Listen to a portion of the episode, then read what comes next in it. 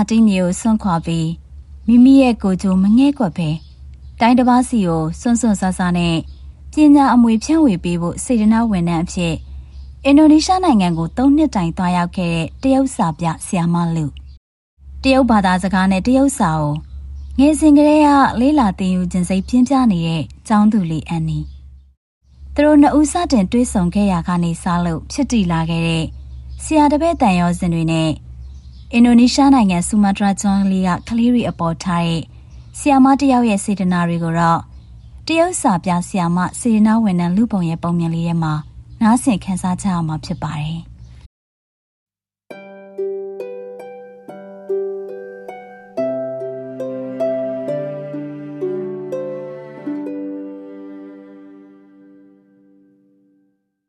ကျမနာမည်အန်နီပါ မစ္စစ်လူကိုပထမဆုံးစတွေ့ခဲ့တော့ကကျမက73နှစ်ပဲရှိပါသေးတယ်ကျမတို့မိသားစုကဆူမာတရာကျွန်းကဘာတက်လူမျိုးပါကျမကမိသားစုထဲမှာအငယ်ဆုံးသမီးအမကတက္ကသိုလ်ပွဲရပြီးသွားတော့ဂျာကာတာမြို့ကတရုတ်ကမ္ပဏီတစ်ခုမှာရုံးစည်းဝန်ထမ်းလုပ်ဖြစ်ပြီးတရုတ်နိုင်ငံကမိတ်ဆွေအများအပြားနဲ့ရင်းနှီးခဲ့တာကြောင့်ဘယ်နှစ်နှစ်မှမကြာသေးပဲတရုတ်စကားကိုလဲလဲဝဲဝဲပြောနိုင်လာပါတယ်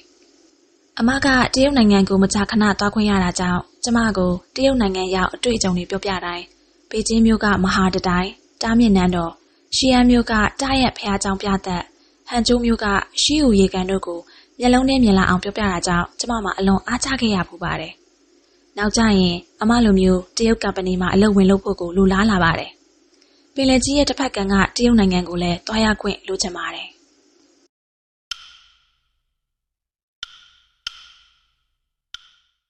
အိမ်မက်တွေကိုအကောင့်ထဲပေါ်ဖို့ရတဲ့အခွင့်အရေးနဲ့တရုတ်စကားကိုသင်ယူရမယ်ဆိုတာကျွန်မသိပြီးသားပါ။ဒါပေမဲ့ဆူမာတရာပြည်နယ်ကအလွန်ကြောင်ကြတာကြောင့်တရုတ်နိုင်ငံကလာတဲ့ဆရာတွေဟာအလွန်ရှားပါတယ်။အစိုးရကျောင်းကတရုတ်စာဘာသာရပ်ကလည်းတင်လိုက်ရက်လိုက်ပါပဲ။အဲ့ဒီအတွက်ကျွန်မစိတ်ညစ်နေရတဲ့အချိန်မှာ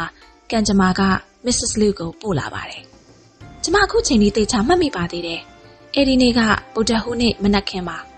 ကျောင်းအုပ်ကြီးကသူ့ရဲ့အလှဆုံးဘာလီရှက်အင်ကြီးကိုအထူးတလဲဝတ်ဆင်ထားပါတယ်။ဝမ်းသာအားရတဲ့အမူအရာနဲ့နိုင်ငံသားအမျိုးသမီးကိုအဖော်ပြုပြီးကျမတို့အတန်းကိုရောက်လာကကျောင်းသူကျောင်းသားတွေကိုအလေးအနက်ကြီးညာခဲ့ပါတယ်။ကျောင်းဒရိုက်တာအတင်းရဲ့ကြိုးစားမှုကြောင့်နောက်ဆုံးမှာတရုတ်နိုင်ငံကတရုတ်စာပြဆရာစေနာဝန်ထမ်းမစ်လူကိုငါတို့ကျောင်းမှာတရုတ်စာသင်ကြားဖို့ဖိတ်ခေါ်နိုင်ခဲ့ပြီဖိတ်ခေါ်နိုင်ခဲ့ပြီ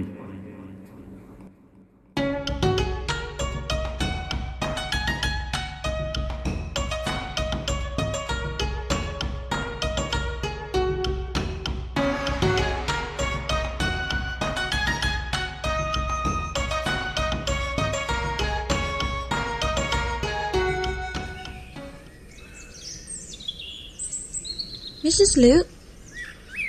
ကျမရုတ်တရက်ရင်တွေခုန်လာမိတယ်။သူကမနေ့တုန်းကကျမစီမှာခောက်ဆွဲထုတ်လာဝဲသွားတဲ့အမျိုးသမီးပဲမဟုတ်လား။အဲဒီနောက်ပိုင်းကစပြီးအချိန်အတော်ကြာတဲ့အထိကျမရဲ့အတန်းပေါ်တွေကိုအင်ဒိုမီခောက်ဆွဲရဲ့မှော်စွမ်းအကြောင်းကိုမမောမပန့်နဲ့ကြွားခဲ့ရပါသေးတယ်။ State စင်ပေါ်မှာမတ်တရက်နေတဲ့ Mrs. Liu ကခြေတံရှည်ပြီးအသားရည်ဖြူပါတယ်။ရိုးရှင်းပြီးမိတ်ကပ်များများဆဆမလိန်ထားပဲမျက်လုံးတွေကကြည်လင်ဝင့်ပနေပါတယ်။ ပခုံးနဲ့အညီမဲနက်နေတဲ့စပင်းရှည်တွေကိုနရွက်အနောက်ကိုတတ်ထားပါတယ်။အဖြူရောင်အင်ကြီးစကတ်ဝမ်းဆက်နဲ့လဲဘင်းမှာဇာဘဝါကိုတွက်ဖတ်ထားတာကြောင့်ရှင်းရှင်းလင်းလင်းနဲ့အင်ဒရီရှိလာပါတယ်။မင်းညာကစိုးရင်ကြောက်ရွံ့နေတဲ့အမူအရာတွေဟာဖော်ရည်ပြူငါပြီးယုံကြည်မှုအပြည့်ရှိတဲ့အပြုံးနဲ့အစားထိုးထားပါတယ်အဘကဘာဆာမွာညာအားလုံးပဲနေကောင်းကြရဲ့လား။ အင်ဒိုလီတန်ပီပီနဲ့နှုတ်ဆက်လိုက်တဲ့အချိန်မှာចောင်းသားအလုံးအံ့ဩသွားပါတယ်။စာသင်ခန်းရဲ့နောက်ဆုံးခုံမှာထိုင်နေတဲ့ကျောင်းအုပ်ကြီးတောင်ချီးကျူးမိပြီးလက်ခုပ်တီးအားပေးပါတယ်ဆီယမနာမည်ကလူပုံပါ။တရုတ်စာသင်ထားတာနည်းနည်းမပြည့်သေးတဲ့ကျမတို့နားမလည်မှဆိုလို့ Mrs. Lu ကဖြည်းဖြည်းချင်းပြောပြီးနောက်လှည့်ကကြောက်တင်ပုံမှာတရုတ်စာနှလုံးကိုချရေးလိုက်ပါတယ်ဒီတိုင်းကြည့်ရင်တော့ရေးရခတ်တယ်လို့ထင်ကြမှာပေါ့အခုကစပြီးတော့ဆီယမလုပ်ပြီးမှ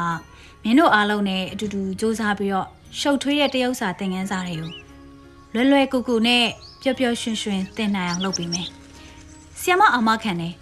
နောက်တစ်နှစ်လောက်နေရင်တရုတ်စလုံးကရေးရတာမခက်ဘူးလို့မင်းတို့ထင်လာမိလိမ့်မယ်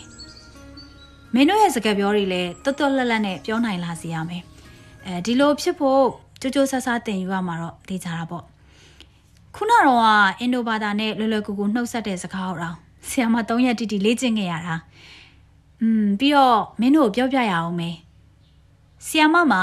ဆန္ဒတေးသေးလေးတစ်ခုရှိသေးတယ် Mrs. Lu ကစကားခဏရက်လိုက်ပြီးစာသင်ခန်းတစ်ခုလုံးကိုကြည့်လိုက်ပါတယ်။သူ့ရဲ့အကြည့်တွေကကျမကိုမြင်လိုက်တဲ့အချိန်မှာတစ်ချက်တုံဆိုင်သွားတာကိုကျမသတိထားမိလိုက်တယ်အဲ့ဒါပါလဲဆိုတော့ဆီယမကလည်းမင်းတို့စီကနေအင်ဒိုစကားများများပြောတတ်အောင်လို့သင်ယူမယ်ဆီယမကိုမင်းတို့ကဆီယမလူလို့ခေါ်လို့ရတယ် အဲဒါပေမဲ့ဒီလိုအခေါ်အဝေါ်တွေကဆီယမတို့ဘာမဆိုပြောဆိုနိုင်တဲ့တငယ်ချင်းဖြစ်စေဖို့အတွက်ဟန်တားနေမှာမဟုတ်ဘူး။စာသင်ခန်းထဲမှာစူညံပွက်လို့ရိုက်သွားပါတယ်။အတန်းမော်တွေကတယောက်တစ်ပေါက်နဲ့ဒီလိုစိတ်ဝင်စားစရာကောင်းပြီးရုပ်ရည်လှပတဲ့တရုတ်ဆရာမအကြောင်းကိုပြောနေကြတာပေါ့။မင်းတို့ရဲ့တရုပ်စာအခြေခံရှိပြီဆိုတာဆီယမသိပါတယ်အဲဒါပေမဲ့ဒီအခြေခံကိုပဲတေချာလေးပိုင်နိုင်အောင်လို့ထပ်ပြီးတော့လုပ်ရမယ်ဆိုတော့ဒီနေ့ရဲ့ပထမဆုံးသင်ခန်းစာကတရုပ်စာဖင်းရင်အတန်ထွက်ကိုပြန်လှည့်ပြီးတော့လေ့ကျင့်ကြမယ် စာသင်ခန်းထဲမှာစိတ်ပြတ်သွားတဲ့အတန်တွေပေါ်လာပြန်ပါတယ်။ Mrs. Lu ကចောင်းသားတွေဒီလိုဖြစ်မယ်ဆိုတာကြိုတင်ခံမှန်းမိတယ်လို့ပါပဲ။အဲဒါကြောင့်ပြုံးရည်ရင်ဆက်ပြောပါတယ်မင်းတို့ဘာတွေတွေးနေလဲဆိုတာကိုဆရာမမှန်းကြည့်မယ်တရုပ်စာဖင်းရဲ့အတန်တွက်ကအရန်ကြီးငွေဖို့ကောင်းတယ်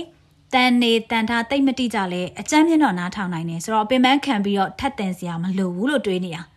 ဟုတ်တယ်မလား။ဟမ်။ ဆီယမကကျမတို့ရဲ့အတွေးတွေကိုဘလို့လို့သိနေရလဲ။ចောင်းသားတွေပြန်ငြိမ်သက်သွားပါတယ်။အတန်းပေါ်အားလုံးခေါင်းငိတ်လက်ခံလာကြတယ်။ဆရာတယောက်အနေနဲ့မင်းတို့အရင်ဆုံးတောင်းပန်စကားပြောပြရစီ။ဆီယမတို့အမြဲတမ်းထင်ထားတာအင်ဒိုဘာသာစကားလက်တင်အက္ခရာနဲ့ဆိုတော့အင်ဒိုကျောင်းသူကျောင်းသားတွေကတရုတ်စာဖင်းရင်းကိုသင်မယ်ဆိုရင်ပိုလွယ်ကူလိမ့်မယ်လို့ထင်ထားခဲ့တယ်။တကယ်တော့ဒီလိုမဟုတ်ဘူးဆိုတာဆီယမအခုနားလည်သွားပြီ။ မင်းတို့တရုတ်စာသင်ယူတဲ့အခါမှာမိခင်ဘာသာစကားတွေကဘီးနဲ့တရတန်ကိုရောပြီးတော့သူ့အလိုလိုအတန်ထွက်ကြတယ်ပြီးတော့တရုတ်စာဖင်းရင်းနဲ့ကဘီးနဲ့တရကိုတွားတိုက်ကြတယ်အဲ့တော့အဲ့ဒီလိုဖြစ်တာကတရုတ်စာသင်ယူမှုကိုပို့ပြီးတော့မှခက်ခဲလာစေပြီးတော့ဖင်းရင်းသင်ယူဖို့ကိုစိတ်ဝင်စားကြတော့ကဲဒီတော့ဆရာမတို့ဥပမာတစ်ခုပေးရအောင်တရုတ်စာသင်ယူတာကတိုက်ကြီးတစ်ခုစောက်ရတယ်လို့ပဲဖင်းရင်းကိုသင်ယူတာကအခြေခံအုံမြင့်စောက်တာနဲ့တူတယ်ဖ င်းရင်းကိုတေးသေးချာချာပိုင်နိုင်အောင်မတင်ထားဘူးဆိုရင်တိုက်ကြီးကဘလောက်ပဲအထက်တွေမြင့်လာမြင့်လာအခြေခိုင်မှာမဟုတ်ဘူးအဲ့တော့ဆရာမပြောတာကိုမင်းတို့လက်ခံကြလား။အတန်းပေါ်အားလုံးခေါင်းညိတ်လက်ခံလာကြတယ်ကောင်းပြီမင်းတို့အားလုံးလက်ခံနေဆိုရင်ဆရာမတို့ចောင်းသားတစ်ယောက်ကိုခေါ်ပြီးတော့သူ့အနီးအနားကိစ္စတစ်ခုခုနဲ့ခိုင်းတိုင်းပြခိုင်းရအောင်ဖင်းရင်ကိုတေချာတင်ယူမှုကဘလောက်အရေးပါလဲဆိုတာပြောပြရအောင်အန်နီထွက်ပြောပေးနိုင်မလား။ တတန်းလုံးကအတန်းပေါ်တွေကဝါကနေကျမဘက်ကိုလှည့်ကြည့်လာကြပြီးအကုန်လုံးကအံ့အားသင့်နေတဲ့အမူအရာတွေပေါ်လွင်နေပါတယ်။ကျမစိတ်ထဲမှာအယမ်းကုန်ယူမိပြီးအယမ်းလဲစိတ်လှုပ်ရှားမိပါတယ်။ဆီယမလူကပထမဆုံးစာတင်ချိန်မှာတတန်းလုံးရဲ့အရှိမကျမနာမည်ကိုခေါ်လိုက်နိုင်တာကတကယ့်ကိုမျက်နှာရစရာကိစ္စတစ်ခုပါပဲ။ဒါပေမဲ့စိတ်ထဲမှာဒီမေကုန်းကိုတိတ်ချမဖြေနိုင်ပါကိုစိုးရိမ်နေမိပါတယ်။ရဲရဲတင်းတင်းနဲ့မျက်နှာပူပူနဲ့ချစ်ချစ်ငေါ့ငေါ့ပြောလိုက်မိပါတယ်။ ဖြေရဲဆိုတာကလေမမေအမြဲတမ်းချက်တဲ့ပါတန်အမဲသားစွပ်ပြုံနဲ့တူတယ်။အဲ့ဒါကလေနင်တို့လည်းသိပါတယ်။အမဲသားပဲရှိလို့မရဘူး။ဟင်းခတ်အမွေးကြိုင်အဆောင်ထဲမှာအရသာမှန်းတာလေ။ဥပမာတစ်အဲ့ဒီအမဲလင်းညင်းပွင့်တစ်ချပိုးခါပူစီနံဂျင်းဒီဟင်းခတ်အမွေးကြိုင်ရဲ့နာမည်တွေကိုတရုတ်စာနဲ့ဘယ်လိုပြောရမလဲကျွန်မမသိပါဘူး။အ တန်းတွေကတရုတ်လူမျိုးအတန်းပေါ်တွေကကြည်စဲတဲ့အနေနဲ့ကျမကအင်ဒိုစကားနဲ့အမွေးကြိုင်တစ်မျိုးပြောတိုင်းသူတို့ကတရုတ်စကားနဲ့တရုတ်နာမည်ကိုအတန်ကျကျနဲ့ပြိုင်တူအော်ရာကြောင့်တဒန်းလုံးရင်မောတန်တွေထွက်လာပါတယ်။နင်တို့မြည်ကြနဲ့ကျမလည်းမျက်နှာပူပြီးဘာလို့ရမှန်းမသိဖြစ်နေမိပါတယ်။ဒီအမွေးကြိုင်တွေကတစ်ခုလောက်မပိုင်ရင်ဖေဖေကစွပ်ပြုတ်တောက်တာနဲ့တန်းတည်တယ်။မမေကိုအချောင်ခိုးပြီးလေထဲကဖားကိုချက်ခိုင်းထားတာလို့အပြစ်ပြောတတ်တယ်။ တတန်းလုံးကထိမ့်မနိုင်သိမ့်မနိုင်နဲ့ရင်နေကြပါပြီ။ကျောင်းကြီးကိုကျမခိုးကြည့်လိုက်တော့သူလဲနှစ်ဖူးကိုလက်နဲ့ရိုက်ပြီးနှကမ်းမွေးတွေကိုပါတုံနေအောင်ရင်နေပါတယ်။ဘေးခန်းကကျောင်းသားတွေကအစကျမတို့စာသင်ခန်းအပြင်ကိုခိုးလာပြီးကျမပြောနေတာတွေကိုခိုးရင်ပြီးနားထောင်နေကြပါတယ်။အရန်ကောင်းတယ်အန်နီ။သမီးပြောတာအရန်ကောင်းတယ်။ဆက်ပြောလေ။ကျမလည်းတတိရှိလာပြီးအတန်ကြဲကြဲနဲ့ဆက်ပြောလိုက်ပါတယ်။ ကျကျမပြောချင်တာကတကယ်လို့ဖြင်းရင်ကိုတေချာပိုင်နိုင်အောင်မတင်ထားရင်ကိုပြောလိုက်တဲ့တရုတ်စကားကလည်းအရသာဆိုတဲ့အမဲသားစွပ်ပြုတ်နဲ့တူနေမှာ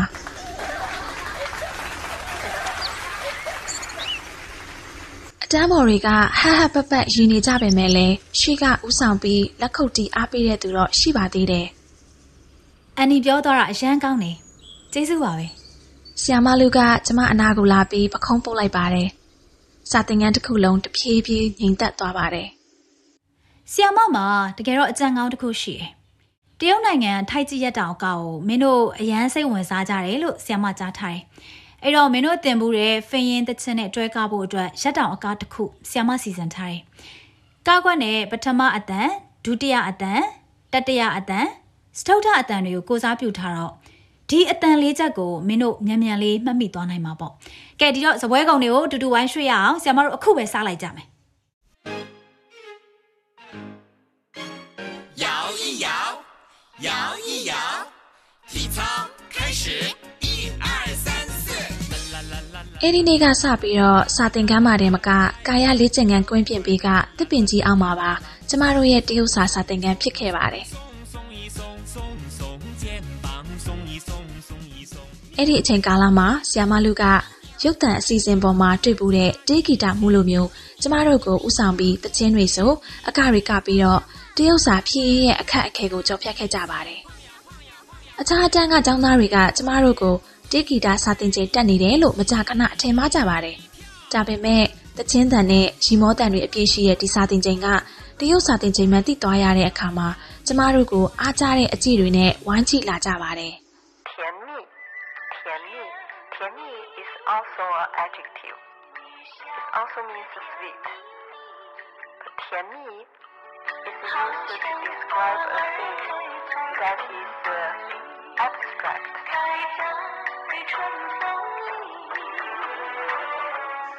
အတန်းအသီးသီးကတရုတ်စာသင်မှုတောင်းဆိုလာတဲ့ចောင်းသားတွေလည်းတဖြည်းဖြည်းများလာပါတယ်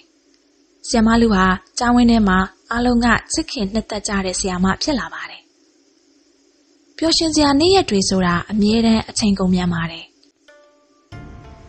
ဆီယမလူရဲ့ဂရုတစိုက်တင် जा ပေးမှုကြောင့်ကျမတို့ရဲ့တရုတ်စာအရေးသွေးကဆက်မပြတ်တိုးတက်လာပါတယ်။ကျောင်းလူကြီးတွေနဲ့ကျောင်းသူကျောင်းသားတွေရဲ့ဖြောင်းဖြတောင်းဆိုမှုကြောင့်ဆီယမလူရဲ့တာဝန်သက်တမ်းကတစ်နှစ်ကနေနှစ်နှစ်ဖြစ်သွားပါတယ်။နှစ်နှစ်ကနေသုံးနှစ်ထပ်ဖြစ်သွားခဲ့ပြန်ပါတယ်။ကျမကကျမတို့ကျောင်းကိုစား ဆူမာဒရာမှာကျင်းပတဲ့ Chinese Bridge လူရေးပွဲကိုအောင်မြင်စွာရွေးချယ်ခံခဲ့ရပြီးဂျာကာတာမြို့မှာအင်ဒိုနီးရှားနိုင်ငံဘောလုံးပွဲကိုတက်ရောက်ရှင်ပြိုင်ခွင့်ရခဲ့ပါတယ်။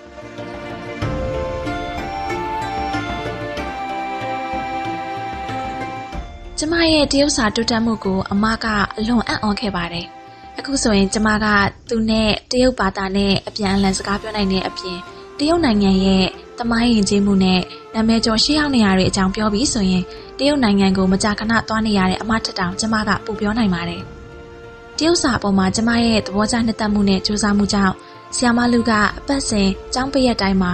အိမ်မှာဝါသနာအတန်းတစ်ခုဖွက်ပေးထားပါတယ်။ကျမတို့ကိုရက်တောင်ကတင်ပေးတယ်။ထိုက်ကြည့်တိုင်းတင်ပေးပါတယ်။ပြီးတော့စာအုပ်တော်တော်များများမှာမရှိတဲ့ဗဟုသုတတွေကိုလည်းတင်ပေးပါတယ်။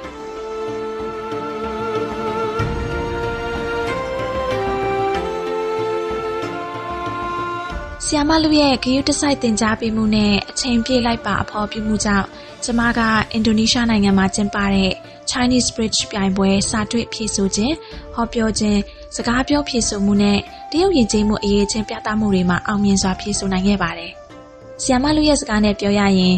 ဂိတ်9ဂိတ်ကိုဖျက်ကျော်စစ်သူကြီး6ယောက်ကိုစီးချင်းထိုးတက်နိုင်ခဲ့ပြီးနောက်ဆုံးမှာပိုလူပွဲရဲ့အဆင့်3ကိုရရှိခဲ့ပါတယ်။ပိုထူးဆန်းတာကတော့ ဆီယာမလူစီမှာတပည့်ခံပြီးနောက်ပိုင်းတရုတ်စာတင်တာမကကျမရဲ့အခြားဘာသာရဲ့အောင်မတ်တွေကတောက်လျှောက်တိုးတက်လာခဲ့ပါတယ်။ဒါကကျမကိုယုံကြည်စိတ်ပို့ပြီးတော့တိုးပွားလာစေပါတယ်။ကျမကအင်ဒိုနီးရှားတက္ကသိုလ်မှာတရုတ်စာမေးကြဝင်ရောက်ဖြည့်ဆို့ဖို့ပြင်ဆင်နေကြောင်းဆီယာမလူကိုကျမတိတ်တိတ်လေးပြောပြခဲ့ပါတယ်။